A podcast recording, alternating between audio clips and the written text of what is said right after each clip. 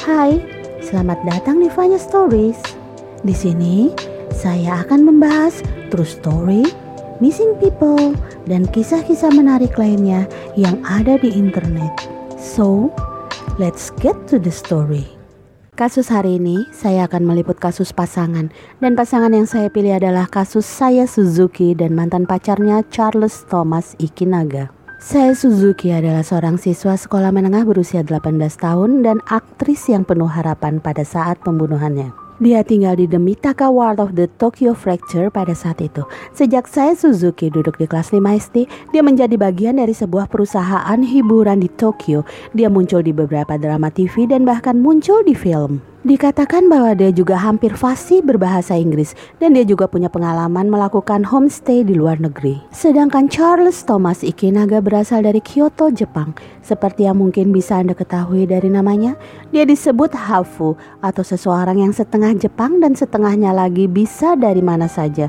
Saya tahu bahwa beberapa orang tidak suka mendengar tentang latar belakang atau kehidupan para pembunuh. Tapi menurut saya itu menarik dan saya pikir itu menambah cerita untuk mengetahui sedikit tentang mereka dan mengapa mereka melakukan apa yang mereka lakukan. Lagian, seperti apa yang saya katakan, Charles Thomas Ikenaga adalah setengah keturunan Jepang dan setengah lagi dari yang lain. Saya tidak dapat menemukan separuh lainnya atau informasi apa pun tentang keluarganya. Tapi teman sekelasnya menggambarkan dia sebagai seorang yang aneh. Mereka mencatat bahwa dia adalah penggemar berat anime dan bahkan ada yang menyebutnya sebagai anime otaku. Anime adalah animasi Jepang seperti acara TV dan film, dan otaku artinya seperti orang kutu buku. Saya kira ada kasus kejahatan nyata lainnya di Jepang yang dikenal sebagai pembunuhan otaku. You know, stigma otaku anime ini sering kali ketika pembunuhan atau sesuatu terjadi di Jepang dan orang itu menyukai anime, mereka langsung mengatakan mereka aneh karena mereka itu terlalu sering menonton acara kartun. Dan itulah mengapa mereka melakukan apa yang mereka lakukan. Jadi banyak dari orang-orang ini yang hanya menonton anime sebagai hobi dan nikmati saja animasi ini, mengumpulkan bonekanya dan memiliki poster dan merchandise dan hal-hal seperti itu. Mereka mencoba untuk menghapus stigma bahwa orang-orang seperti ini mau otakus itu aneh, seperti mereka akan terus membunuh orang. You know what I mean? Jadi saya hanya ingin menyebutkan bahwa banyak orang yang menggambarkan Charles Thomas Ikinaga sebagai seorang otaku anime. Dikatakan bahwa Charles sangat menikmati animasi yang menampilkan wanita cantik atau gadis cantik. Juga dicatat bahwa dia memiliki poster gadis-gadis anime ini di dinding kamar tidurnya. Saya Suzuki dan Charles bertemu di Facebook sekitar tahun 2011 ketika mereka pertama kali mulai berkomunikasi secara online. Saya Suzuki memberitahu Charles bahwa dia adalah seorang siswa sekolah menengah dan dia ingin menjadi aktris di masa depan. Dia melakukan beberapa bagian kecil di sana sini. Sementara Charles memberitahu saya Suzuki bahwa dia adalah lulusan SMA dan sebenarnya dia adalah seorang mahasiswa.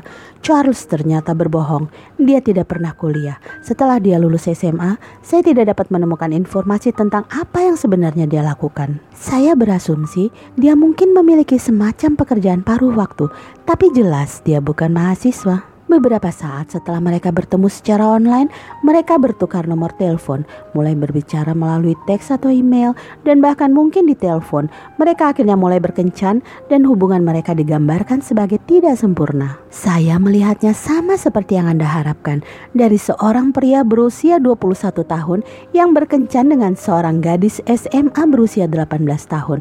Mereka menjalin hubungan selama sekitar satu tahun. Bulan September 2013, Charles melakukan perjalanan ke Amerika dan saya pikir itu adalah perjalanan yang lebih lama, tidak seperti hanya beberapa hari.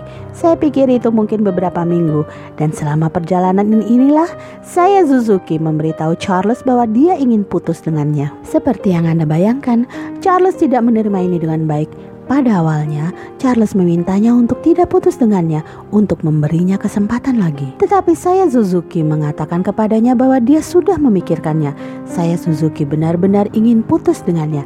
Saat itulah Charles mulai menjadi sedikit lebih mengancam. Charles mengatakan bahwa jika saya Suzuki tidak tinggal bersamanya, maka dia akan membalas dendam padanya. Dan pada saat itu, saya Suzuki tidak tahu apa yang dia maksudkan dengan ini. Saya Suzuki tetap menolak untuk menerimanya kembali. Saya Suzuki bilang dia sudah mengambil keputusan dan dia minta maaf. Tapi itu akan menjadi akhir dari hubungan mereka. Saat itulah Charles mulai mengambil tindakan. Dia tidak menggertak Charles mulai membocorkan foto telanjang yang saya Suzuki kirimkan secara online. Setelah membocorkan foto telanjangnya, Charles mulai mengirimi saya Suzuki email yang mengancam. Beberapa dari email itu bahkan memberitahunya bahwa Charles akan membunuh saya Suzuki. Jadi saya Suzuki memutuskan untuk memblokir akun lain Charles, memblokir nomor teleponnya agar Charles tidak menelponnya, memblokir emailnya agar tidak mengiriminya pesan. Namun ini tidak menghentikan Charles. Ketika Charles kembali ke Jepang dari perjalanannya ke Amerika, Charles mulai muncul di tempat-tempat yang dia tahu saya Suzuki akan berada. Ketika saya Suzuki akan meninggalkan tempat-tempat itu, Charles akan mengikutinya pulang dan hanya berkeliaran di luar rumahnya. Saya Suzuki pertama kali pergi ke kepala sekolahnya untuk menceritakan padanya tentang mantan pacarnya yang pada dasarnya menguntitnya sekarang. Kepala sekolah menganggap ini serius, terutama karena ancaman pembunuhan yang Charles katakan. Setelah menghadap kepala sekolah tentang masalahnya dengan mantan pacarnya, saya Suzuki memutuskan untuk memberitahu orang tuanya apa yang sedang terjadi. Kemudian pada 8 Oktober 2013, saya Suzuki dan orang tuanya pergi ke kantor polisi di Mitaka Tokyo Ward untuk melaporkan Charles karena menguntit dan pelecehan. Petugas polisi memberitahu saya Suzuki dan orang tuanya bahwa mereka akan memberikan peringatan resmi kepada Charles jika dia tidak berhenti melecehkan dan menguntit saya Suzuki. Saya tidak yakin apa yang polisi lakukan sebenarnya.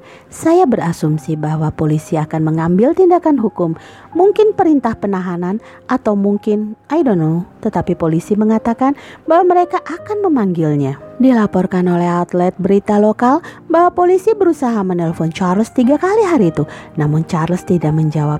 Dan ketika polisi ditanya tentang mengapa mereka tidak pergi ke rumahnya secara langsung untuk memberinya peringatan, polisi mengatakan bahwa polisi sebenarnya tidak tidak memiliki alamat Charles di Tokyo.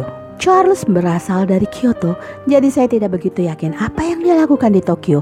Mungkin dia hanya bekerja, tetapi Charles tidak memiliki alamat tetap di sana. Jadi polisi tidak bisa menemukannya selain nomor telepon yang mereka terima dari saya Suzuki. Pada hari yang sama, pada hari Selasa 8 Oktober 2013, Charles Thomas Ikinaga naik ke sisi rumah saya Suzuki dan memasuki rumahnya melalui jendela yang terbuka. Charles kemudian menyembunyikan dirinya di lemari selama dua jam berikutnya, menunggu saya Suzuki kembali ke rumah. Saya Suzuki kembali ke rumah sekitar jam 4 lewat 30 sore. Petugas polisi tahu bahwa dia akan kembali ke rumah sekitar waktu itu.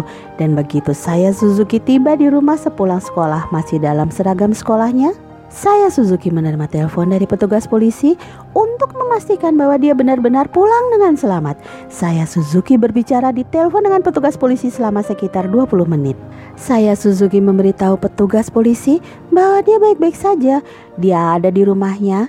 Petugas polisi memberitahunya bahwa mereka akan menelponnya lagi besok sepulang sekolah. Segera setelah saya Suzuki menutup telepon dengan petugas polisi, Charles muncul dari lemari, memegang pisau dan menyerang saya Suzuki. Charles menikam saya Suzuki di lengan dan perutnya. Saya Suzuki bisa membuka pintu depan rumahnya dan melarikan diri. Charles menyusulnya dari belakang dan menyergap saya Suzuki sehingga dia jatuh ke lantai.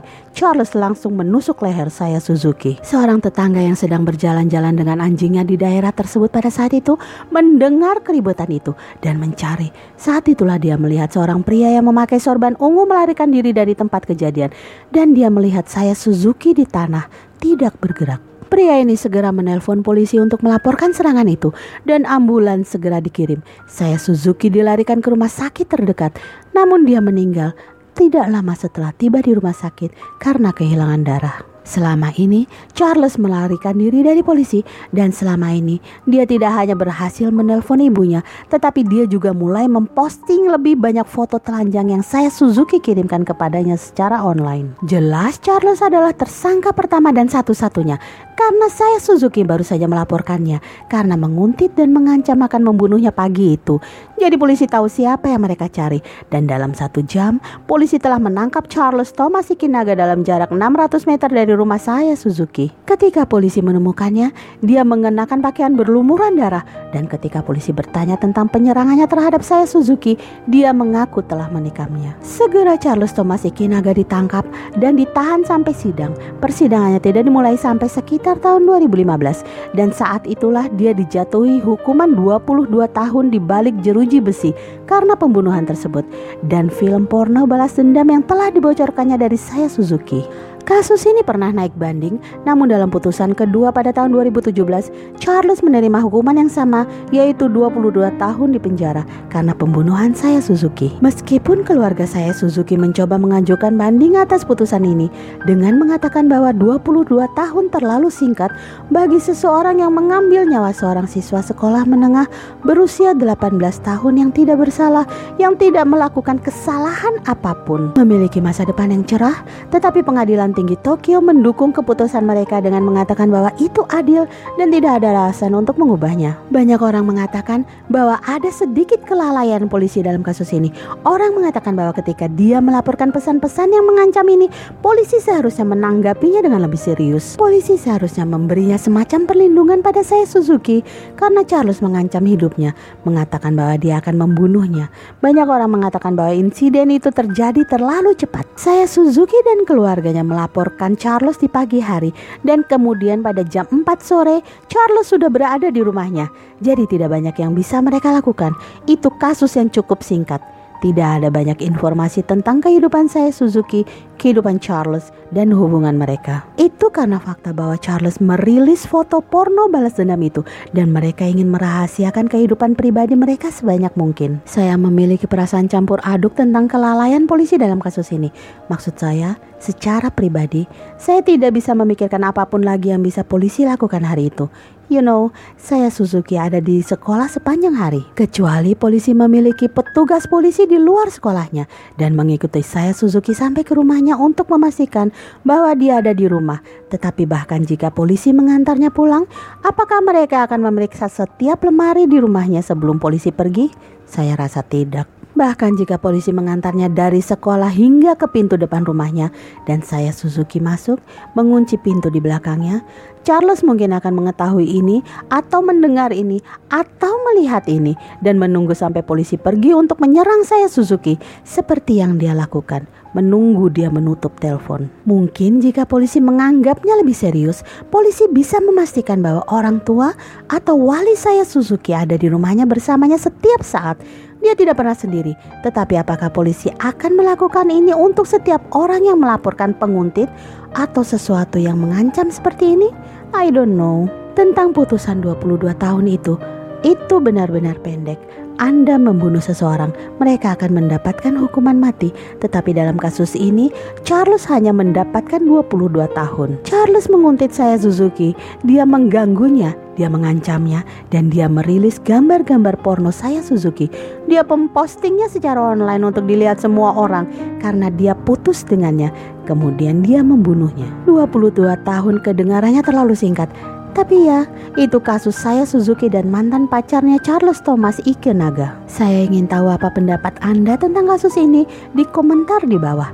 Beritahu saya apa pendapat Anda tentang polisi atau putusan pengadilan. Terima kasih banyak telah mendukung channel saya dan mendukung semua yang saya lakukan. Saya sangat menghargai itu. Good morning and have a nice day. Thanks for joining. Jika Anda suka, jangan lupa untuk subscribe, like, dan share ke teman-teman. Sampai jumpa di cerita berikutnya. Bye bye.